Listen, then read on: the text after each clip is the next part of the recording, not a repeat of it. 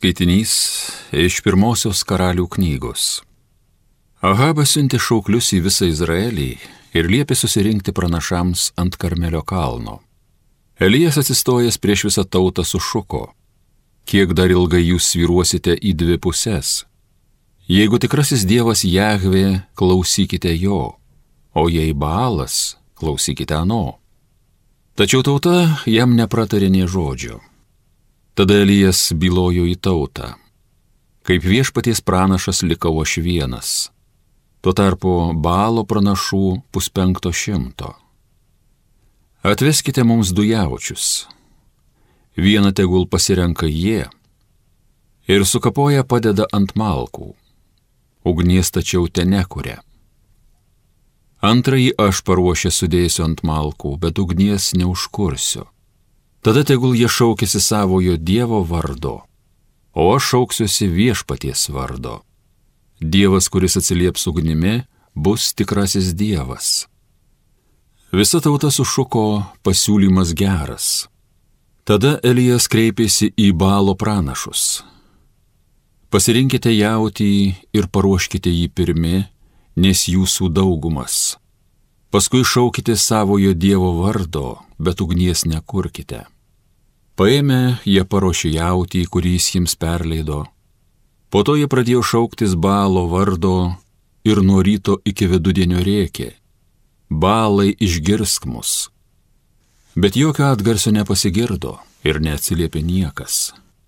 Jie šoko ir trypė aplink altorių pačių pastatytą Apie vidudienį iš jų pasišaipė Elijas, sakydamas, šaukite garsiau, jis vis dėlto Dievas, jis gal užsiemęs į šalį paėjęs ar kur iškeliavęs, gal miega, tada jis pabus. Tad jie ėmė šaukti balsiau. Pagal savo paprotį drėski save kalavijais ir jėtėmis, kol kraujas jiems ėmė tekėti. Praėjus vidudieniui jie vis dar dūko, tai truko lyg laiko, kada atnašaujamos valgymų aukos. Bet jokio atgarsio nepasigirdo, niekas neatsiliepė ir neišklausė.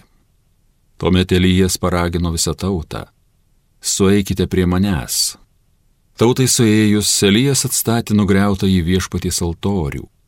Jis paėmė dvylika akmenų pagal giminių skaičių sūnų Jokūbo, kuriam buvo viešpats pasakęs, tavo vardas bus Izraelis. Tuos akmenys sujungė į altorių viešpaties vardu, aplinkui altorių, iškasi griovį, apvesdamas plotą dviejų sėtuvių apsėjimo.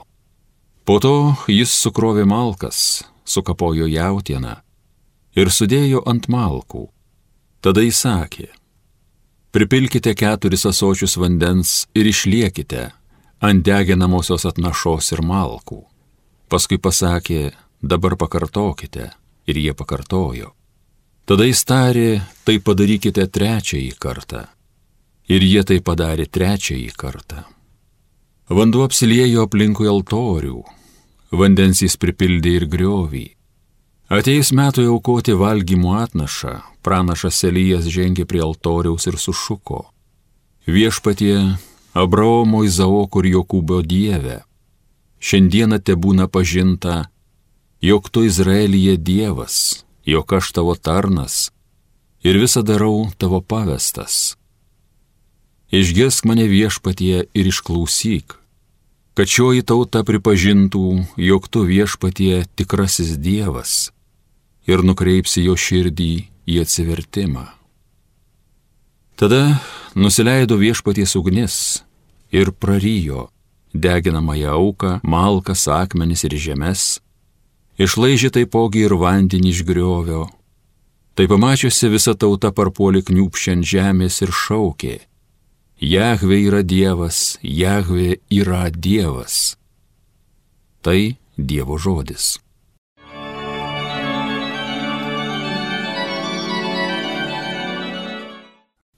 Globok mane Dieve, prie tavęs aš glaudžiuosi.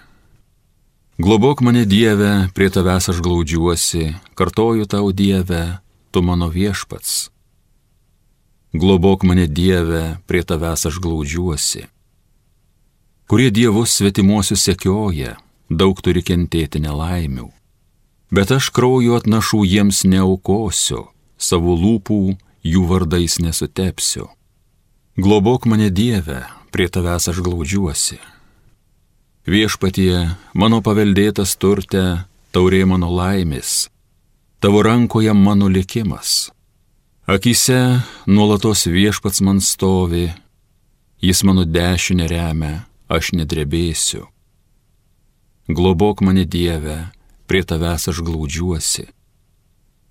Man rodysi kelią, kuris į gyvenimą veda, pilna man bus laimė prieš tavo veidą, tavo dešiniai bus per amžius linksmybės. Globok mane Dieve, prie tavęs aš glaudžiuosi. Alleluja, alleluja, alleluja. Viešpatie, išmokyk mane takais tavo eiti vesk mane savo tiesa, tu mane lavink. Alleluja, alleluja, alleluja. Iš Evangelijos pagal Matą. Nemanykite, jog aš atėjęs panaikinti statymų ar pranašų. Nepanaikinti jų atėjau, bet įvykdyti.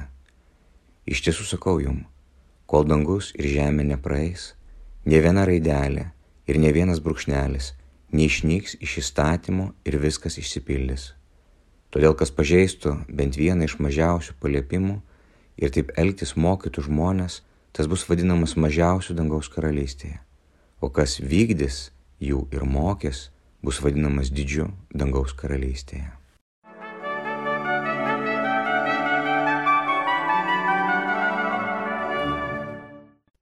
Šiandien mes girdėjome Evangelijoje apie įstatymo vykdymą ir žinome, kad ne vienas žodis, ne viena raidė neiškris, o kartu žinome, kad Kristus savo žemiškoj piligrimystėje atrodytų daug kartų sulaužė įstatymą, šabo įstatymą e, ir, ir daugelį kitų, dėl to žydai labai pyko ant jo, fariziejai, kurie labai preciziškai laikėsi.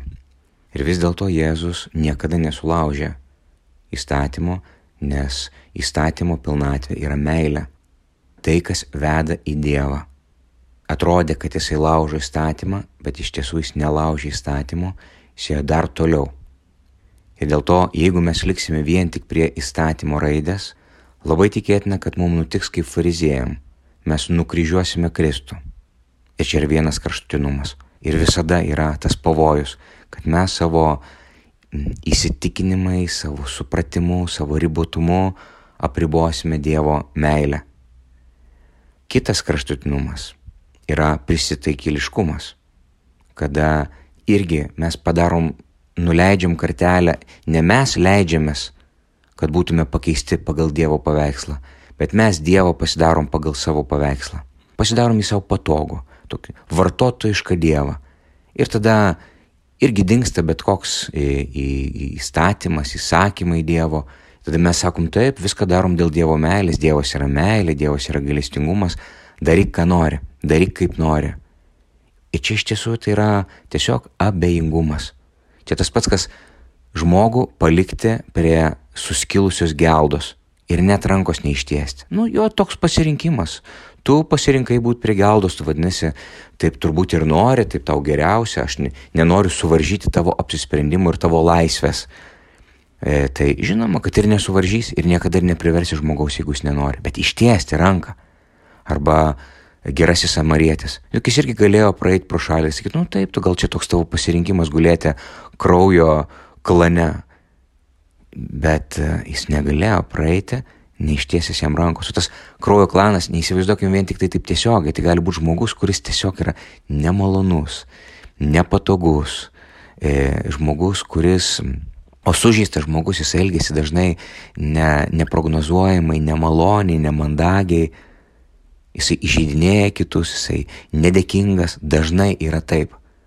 Ir lengviausias būdas, nu tai gerai, nu ir būk savo. Bet, bet Jeigu tu iš tiesų myli, kaip myli Dievas, tu negali žmogaus palikti jo nešvarume, jo nuodėmiai. Tai jeigu mes sakysime, kad palikti nuodėmiai, čia yra gerbti žmogaus laisvę, bet tai yra melas, tai yra tiesiog abejingumas ir tai yra tiesiog patogumas. Tai va, du kraštutinumai. Vienas kraštutinumas - tapti tokiu fariziejų, raidiškai žiūrinčių kiekvieną taškiuką, kablelį į, į, į tie patys, kurie nukryžiavo Kristų, Arba kitas kraštutinumas - pereiti į, į tokį abejingumą, ten piloto, erodo ir, ir, ir visų, nu tiesiog, abej, nu tai nieko, va, ar taip, ar kitaip, nesvarbu, viskas galima, o po manęs, kad ir tvanas. Tai va čia nėra meilė. Nei ten Dievo nėra, nei ten Dievo nėra. Dievas yra su Kristumi. O Kristus, mes žinome, kad jis atidavė savo gyvybę, jis tapo gyvąją duoną, jis tapo visiems viskuo O tai nebuvo patogus kelias, įsipatoginimo kelias. Tai buvo tarnystės, nuolankios tarnystės ir tiesos kelias. Nes tik tiesa padarys mus laisvus. Tiesa, kuri mus skaudina, kuri mus apnuogina, bet vienintelė, kuri mus veda į tėvo namus. Amen.